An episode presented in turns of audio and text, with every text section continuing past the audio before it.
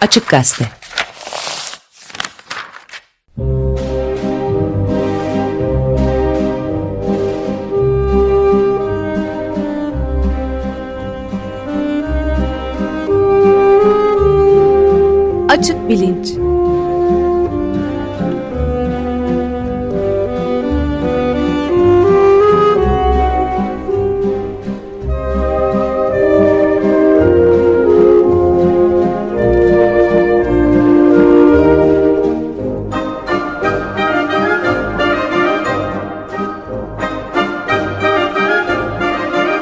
Güven Güzeldere ile bilim ve felsefe sohbetleri.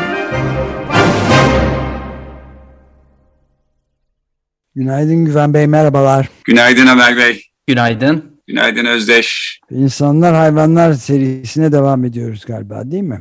Evet, İnsanlar Hayvanlar serisinde bugün türcülük meselesinden biraz konuşalım istiyorum.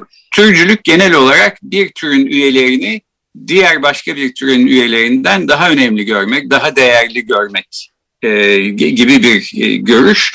Bir tür ayrımcılık. E, başka ayrımcılıklarla aslında karşılaştırdığımız zaman belki anlatması daha kolay. Yani cinsiyet ayrımcılığı nasıl bir şey mesela? Diyoruz ki, e, gerçi orada aynı türün üyelerinden bahsediyoruz ama e, kadınlar erkeklerden işte erkeklerin yaptığı her şeyi beceremezler e, erkekler bu anlamda daha üstün niteliklere sahip işte çünkü fıtratlarından öyle geliyor filan diye de bir takım e, mazeretler uyduruyoruz. Bir, bir tür ayrımcılık.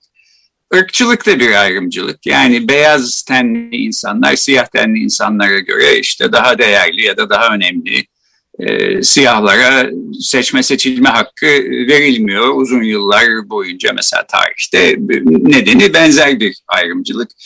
Şimdi türcülük Türcülüğe karşı çıkanlar da diyorlar ki türcülük tam işte böyle yani cinsiyet ayrımcılığı gibi, ırkçılık gibi bir şey e, ve bütünüyle karşı çıkılması gerekir. Türkçülük hak, e, Türkçülük hakkındaki sorular fakat bence ırkçılık ve e, cinsiyet ayrımcılığı sorularından daha komplike sorular. Biraz bu tartışmayı burada e, ortaya koymak istiyorum.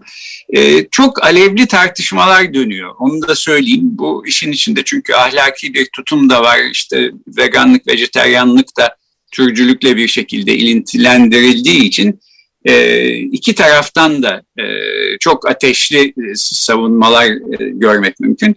E, şimdi genellikle türcülüğü savunan insanların e, türcülüğü savunanlar da var bu arada doğrudan. Yani belki ırkçılığı savunanlar yok bugün ama türcülüğü savunanlar da var.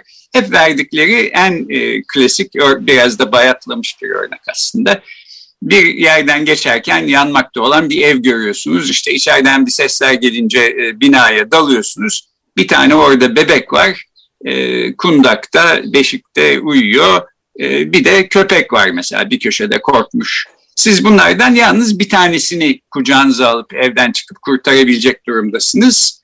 E, böyle varsayıyoruz. İkisini birden kurtaramıyorsunuz. Hangisini alır çıkardınız? Şimdi türcüler diyorlar ki tabii ki bebeği alır çıkardınız. Yani şimdi köpeği alıp e, çıkacak haliniz yok. Niye? Çünkü insan türü e, bir tür olarak köpek türünden daha değerli. İnsan türünün bireylerini dolayısıyla işte önceliyoruz köpek türünün bireylerine göre. Şimdi ben genellikle ahlaki soruları bu tür e, senaryolar üstünden incelemeden hoşlanmıyorum. Çünkü bunlar hiçbir zaman karşımıza çıkmayacak, çıkmayan e, ya da çıkma ihtimali çok çok küçük olan senaryolar. Yani bir tür evet peki senin savunduğun şeyin limitleri nereye kadar gideri e, sorgulamak açısından belki faydalı olabilir ama e, üstelik böyle bir e, örnekle başladığımız zaman bunu başka örneklere de e, aktarabiliriz. Ben bir iki tane varyasyonundan mesela şimdi bahsedeyim. Diyelim evet böyle bir yanan bir ev gördünüz, içine daldınız. Odada iki tane beşik var. Birinde siyah bir bebek var, birinde beyaz bir bebek var. E, hangisini alıp çıkardınız? Bir tanesini kurtarmanız lazım. Bence mesela o noktada ben işte beyaz olduğum için beyaz bebeği alıp çıkardım demenin e, imkanı yok. Ya da e, belki beyaz insanların çoğu gerçekten beyaz bebeği kurtaracak. Belki siyah insanların çoğu siyah bebeği kurtaracak. Bilmiyorum bu tür bir çalışmadan haberim yok ama e, böyle bir ayrımcılıktan e, bahsetmek ve bu şekilde pozisyonunuzu savunmanın e, bence ihtimali yok. Dolayısıyla ırkçılığa uyarladığımızda bu e, örnek e, gücünü kaybediyor. Peki e, ama türcülük konusu aslında e, insan davranışının çok derinlerine işlemiş bir e, yere sahip. Şöyle başka bir örnek vereyim. Yine bir yangın, e, yanmakta olan bir ev gördünüz, işte içine daldınız. Bu sefer bebek yok, iki tane hayvan var. Bir köpek yavrusu var bir kenarda. Bir de bir kavanozda bir balık olsun mesela. Ve bunlardan yalnızca bir tanesini alıp e, kurtarabileceksiniz. Bu tür bir çalışmada bilmiyorum ama benim tahminim pek çok insan balık yerine köpek yavrusunu kurtarmayı tercih edecektir. E niye diye soralım. Burada da türcülükle alakalı bir şey var. Yani köpek türünü daha değerli sanki ya da kurtarılmakta öncelik tanınması gereken bir tür gibi görüyoruz balığa göre. Onun da nedeni köpeklerin bizim biz insanlarla olan ilişkisi olabilir. Köpeklerin insanlara daha yakın olmaları da olabilir. Yani yalnız ilişki açısından değil işte yüz ifadeleri, morfolojileri falan itibariyle de yani burada da bir türcülük aslında e, görülüyor. E, şimdi e, türcülüğe karşı çıkmanın Ha şunu da söyleyeyim. Peki ilk örneğe dönelim. Yangın işte siz daldınız bir eve bir bebek bir de köpek yavrusu var. Ee, burada tabii başka e, göz önüne almamız gereken durumlar da var. Diyelim o bebeğin annesi babası yangında işte yaralandılar. Dışarıda ambulansta bekletiyorlar. Siz içeri girdiniz bebeğinizi kurtaracak e, bebeklerini kurtaracaksınız diye bekliyorlar. Siz kucağınızda köpek yavrusuyla çıkıyorsunuz ve diyorsunuz ki anne babaya kusura bakmayın ben türcü değilim dolayısıyla sizin bebeğinize öncelik e, vermek istemedim. Köpeği kurtarmayı seçtim falan. Şimdi bu tabii savunulması güç bir şey. Öte yandan böyle tek bir hipotetik e, örnek üstünden türcülüğe karşı çıkmayı da mahkum etmek bence haksızca. E, türcülük e, konusunu, türcülüğe karşı çıkmak e, pozisyonunu daha doğrusu motive etmek için belki şöyle bir ben başka bir hipotetik örnek e, sunayım. Diyelim e, galaksimizin bir köşesinde başka bir gezegende bir takım akıllı canlılar var ve bunlar e, dünyada ya da bütün galaksideki bütün gezegenlerde ne olup ne bittiğini e, milyonlarca yıldır takip ediyorlar. E, biliyorlar ki dünyada işte yaklaşık 14 milyar yıl önce bir gaz bulutuyken büyük patlamanın neticesinde işte e, gezegenler oluşuyor. E, güneşin e, çevresinde dünya dönmeye başlıyor. Giderek önce kurak bir gezegenken suyun ortaya çıkmasından sonra işte yaklaşık e, 4 milyar yıl kadar önce yaşam ortaya çıkıyor. 1 milyar yıl kadar önce çok hücreli canlılar oluyor. Şimdi bu galaksi koruma ve kollama konseyi izliyorlar. E, iyi gidiyor dünyada durumlar filan diye. Ee, işte 500 milyon yıl önce kara hayvanları ortaya çıkıyor. 50 milyon yıl kadar önce ilk primatlar ortaya çıkıyor. 5-6 milyon yıl kadar önce ilk insanımsı canlılar ortaya çıkıyor filan. E, konsey bunları izlemeye devam ediyor. Bunları tabii şu anda kabul edilen e, antropolojik ve fiziksel e, rakamlarla veriyorum. Bu rakamlar değişiyor. Bir de hani yaklaşık 14 milyar yıl diyorum aslında o 13.8 milyar yıl aradaki 0.2 milyar yıl çok büyük bir fark ama işte böyle sayılara vurduğumuzda küçük bir şeymiş gibi e, söylüyoruz filan. Neyse derken 200 bin yıl kadar önce Homo sapiens'in ilk e, bireylerini görmeye başlıyor konsey dünya yüzünde. İşte derken dil kullanmayı öğreniyorlar. Çok yakın bir zamanda 10 bin yıl kadar önce tarıma geçiyorlar. İşte 5 bin yıl kadar önce yazıyı kullanmaya başlıyorlar bilinçli, akıllı bir canlı türü ve bu canlı türü yani homo sapiens yani biz insanlar e, ortaya çıktıktan sonra müthiş bir nüfus patlaması e, gerçekleştiriyorlar. E, sayıları çok artıyor. E, gezegendeki pek çok başka canlı türünün de yok olmasına neden oluyorlar. Zaman açısından bakacak olursak insan türünün ortaya çıkışı yani bütün evrenin tarihini işte 24 saat gibi düşünecek olsak son saatin son dakikasında göz açıp kapayıncaya kadar geçen bir zamandan ibaret aslında. Yani biz insanlar çok e, sonradan gelmiş canlılarız e, bu gezegene. Şimdi tabii 14 milyar yıl dediğimiz zaman e, neyi hayal edeceğimizi de pek bilemiyoruz. Çünkü uzun zamanların e, geçişini hayal etmek zor. E, şöyle düşünün yani işte Covid salgını ortaya çıkalı bir seneyi biraz geçti. E, belki bazılarımıza yüzyıllar kadar uzun gelen bir sene oldu bu. Bazen bir saat beklemek bile mesela aylar yıllar gibi geçiyor. E, 100 yıl öncesi işte nedir 1921 oho yani o zaman yaşayan kimse belki yok bugün ortalıkta işte tarihin eskilerinde kalmış bir şey. Bir yıl öncesini düşünelim 1021 senesi 11. yüzyıl haberimiz bile yok nasıl bir dünya vardı. Biz ama tabii bin yıldan değil 10 bin, 100 bin, 1 milyon da değil 1 milyar işte yıldan 10 milyar yıldan bahsediyoruz. Dolayısıyla çok büyük bir zaman aralığı e, burada söz konusu. Ee, şimdi bu gezegeni, galaksiyi koruma ve kollama konseyi diyor ki kendi aralarında toplanıp ya bu insan türü çıktı çıkalı aslında işler iyi gitmiyor. Yani bir yandan işte e, edebiyatı keşfettiler, e, mimariyi keşfettiler, binalar yapıyorlar, yayılıyorlar, e, dünya yüzüne işte sanat eserleri veriyorlar, bilim diye bir şey keşfettiler. İyi kötü anlamış durumdalar neyin ne olduğunu çalışıyorlar, ediyorlar. Bu anlamda çok başka hiçbir canlı türünün yapamadığını yapan bir tür haline geldi bu insanlar. Fakat çok da kibirli bir tür çıktı bu. Yani kendini çok üstün görüyor. Mesela e, çok sonradan gelmiş olduğu halde bir hikayeler uydurmuşlar. Sanıyorlar ki dünya gezegeni kendileri için yaratılmış ve onlar da bütün canlıların hükümdarı falan böyle böyle şeylere inanıyorlar. E, ve gidişat da iyi değil. Gezegenin gidişatı da iyi değil aslında.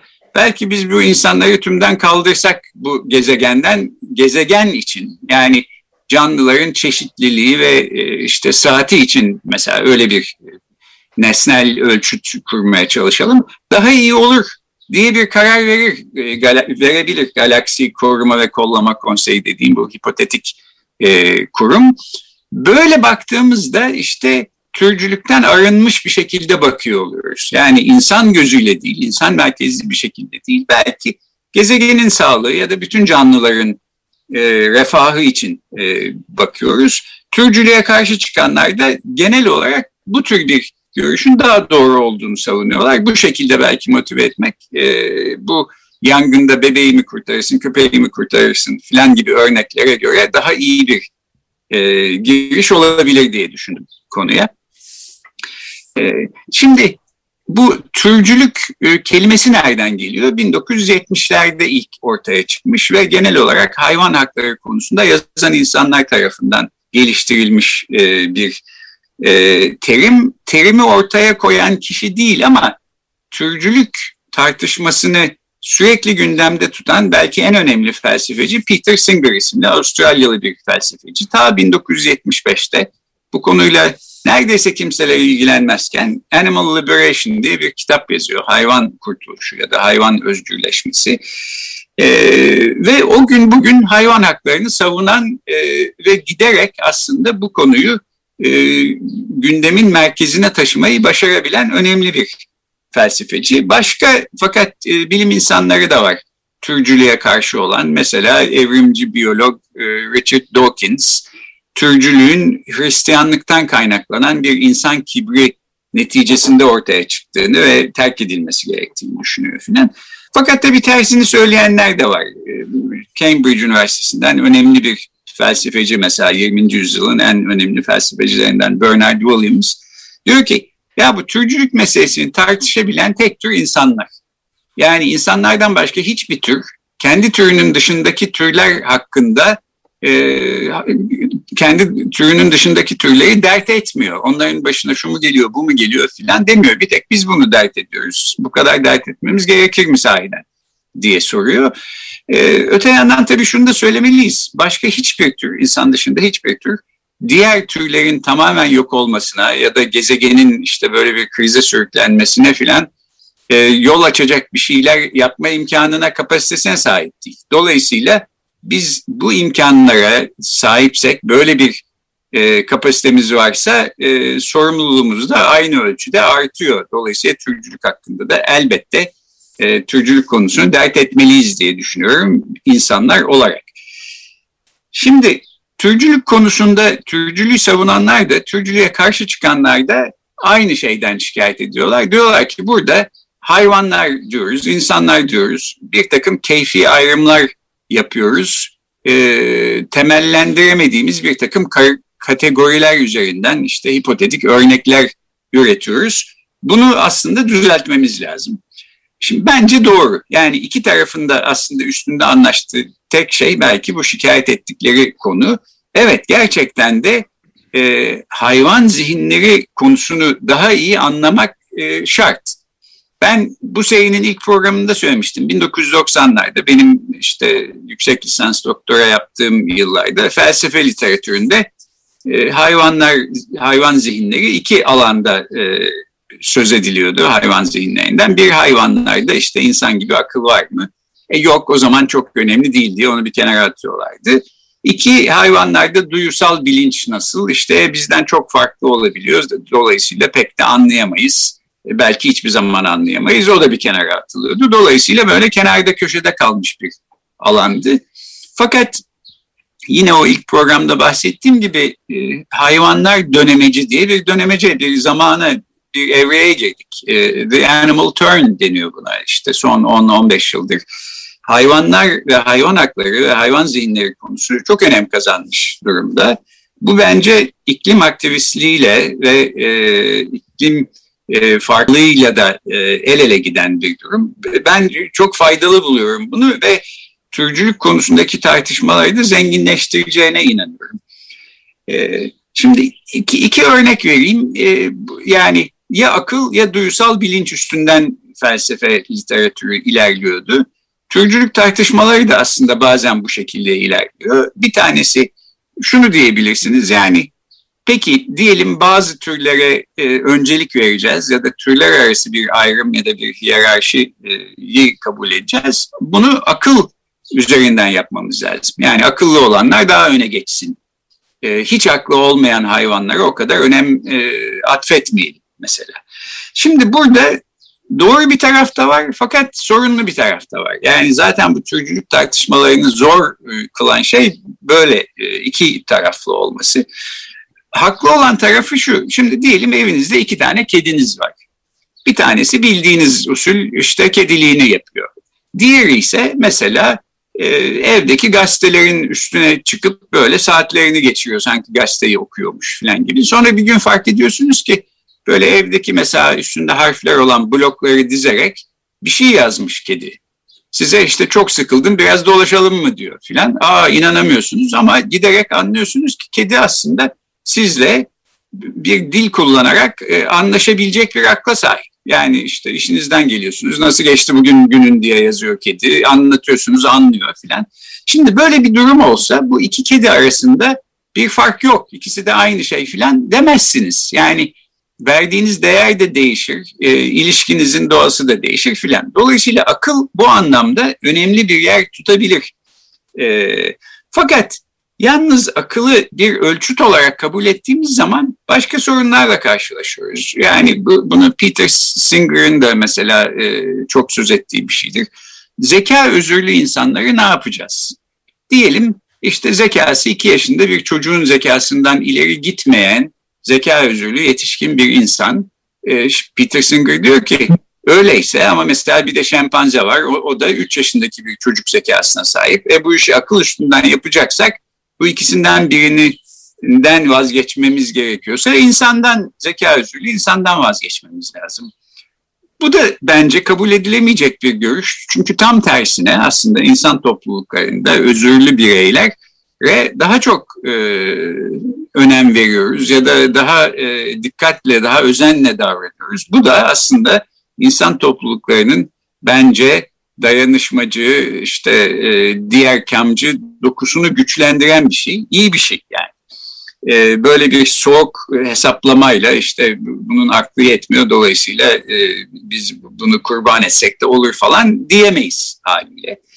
Ee, öbür tarafta yani akıl değil önemli olan aslında acı çekme hissi ya da ızdırap hissedebilme e, duyusu diyenler var. Bunun e, öncülüğünü yapan 18. yüzyıldan bir İngiliz felsefeci Jeremy Bentham diye bir adam faydacılık diye bir ahlaki görüş savunuyor.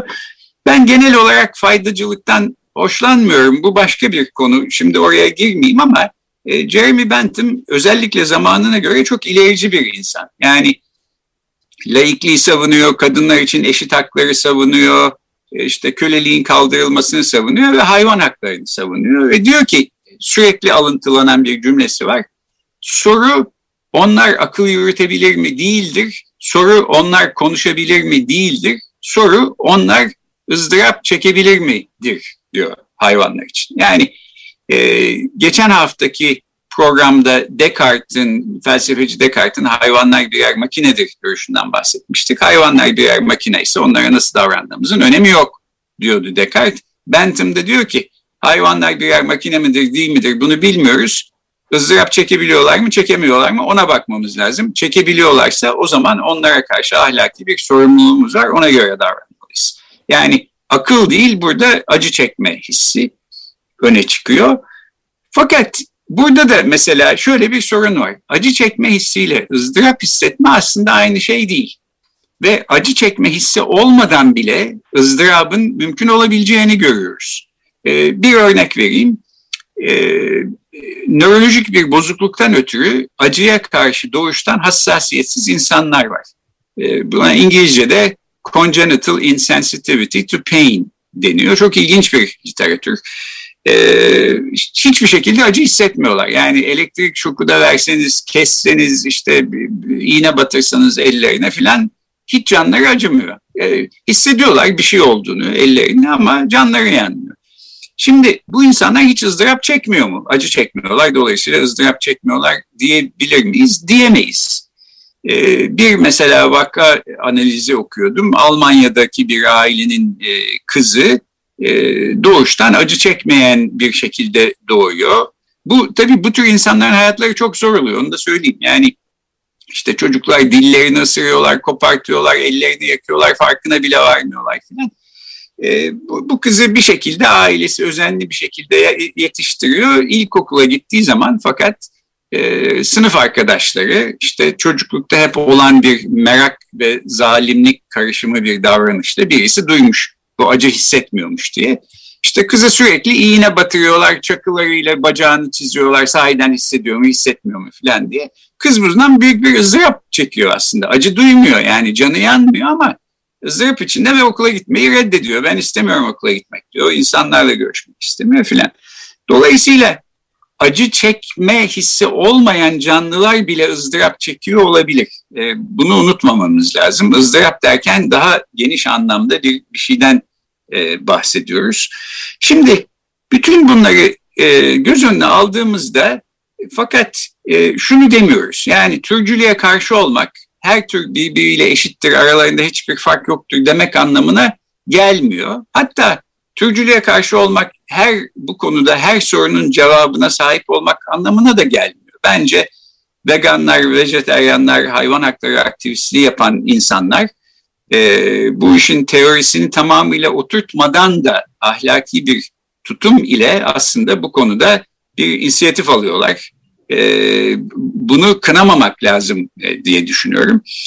E, Birkaç sene önce e, Harvard Üniversitesi'nde bilim tarihi bölümünde hayvanlar üzerine bir ders açılmıştı. İşte her hafta bir konuk konuşmacı gelip bir şeyler anlatıyordu. Orada Earthling Ed diye bir çocuk geldi İngiltere'den bir hafta konuk olarak. Earthling Ademoğlu diye ben onu çevirdim en iyi. İşte böyle vejeteryanlığı savunuyor ve hayvan haklarını savunan bir e, gençten 20'li yaşlarında bir çocuktu. Akademisyen birisi değil fakat çok artiküle, iyi e, konuları anlatabilen, çok hakim filan e, birisiydi.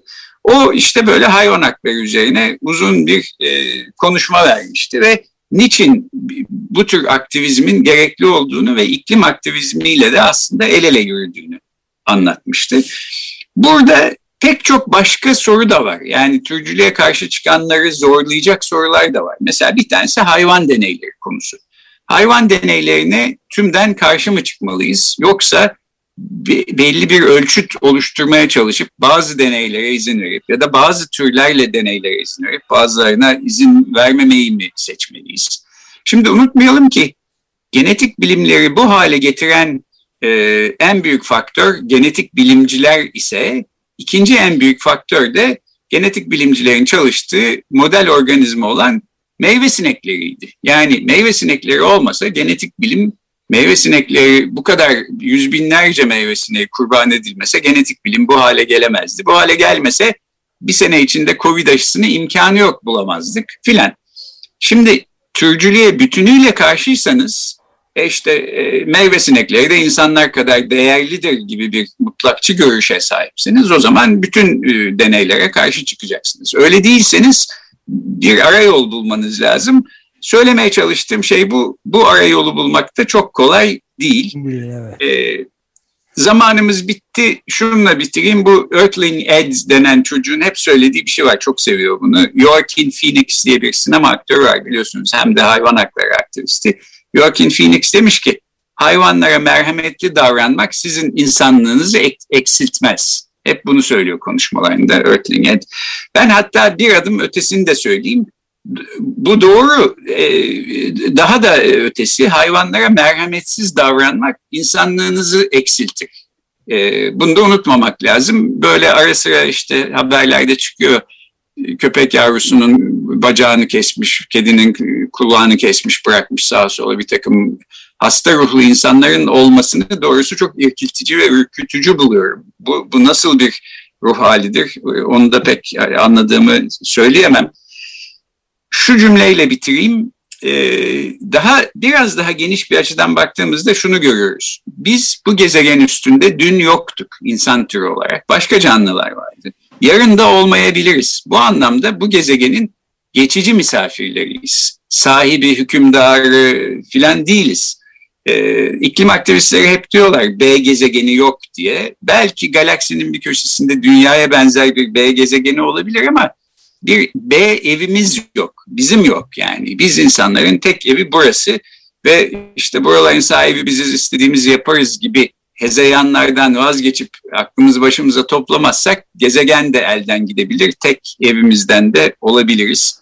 Bunu 20 yıldır e, Açık Radyo'da her sabah dinliyoruz. Bu konuyu e, bazen yeter artık dedirtecek kadar e, tekrar eden e, Ömer Madya'ya ve Açık Radyo'ya bu anlamda teşekkür borçluyuz. Bu tür bir farkındalık 20 sene önce hiç yoktu. Yani şimdilerde herkes konuşuyor ama e, hiç kimsenin konuşmadığı zamanlarda bile bu açık radyoda konuşulan bir şeydi. Bunu da unutmamamız lazım. Bir de başka türleri de beraberinde götürmesini de ilave etmemiz lazım evet. ayrıca. Sadece türün yok olması kendi türü değil.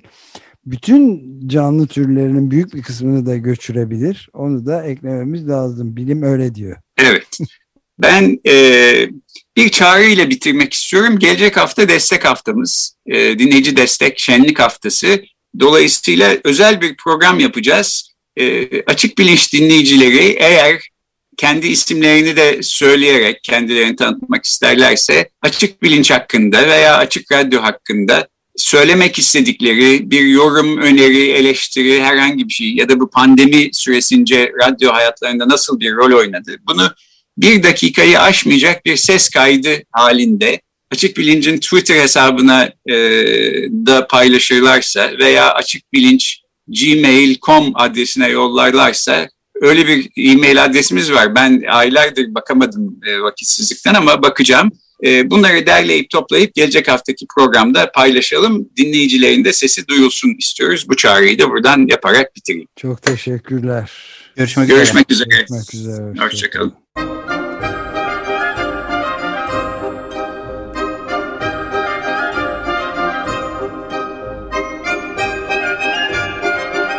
Açık Bilinç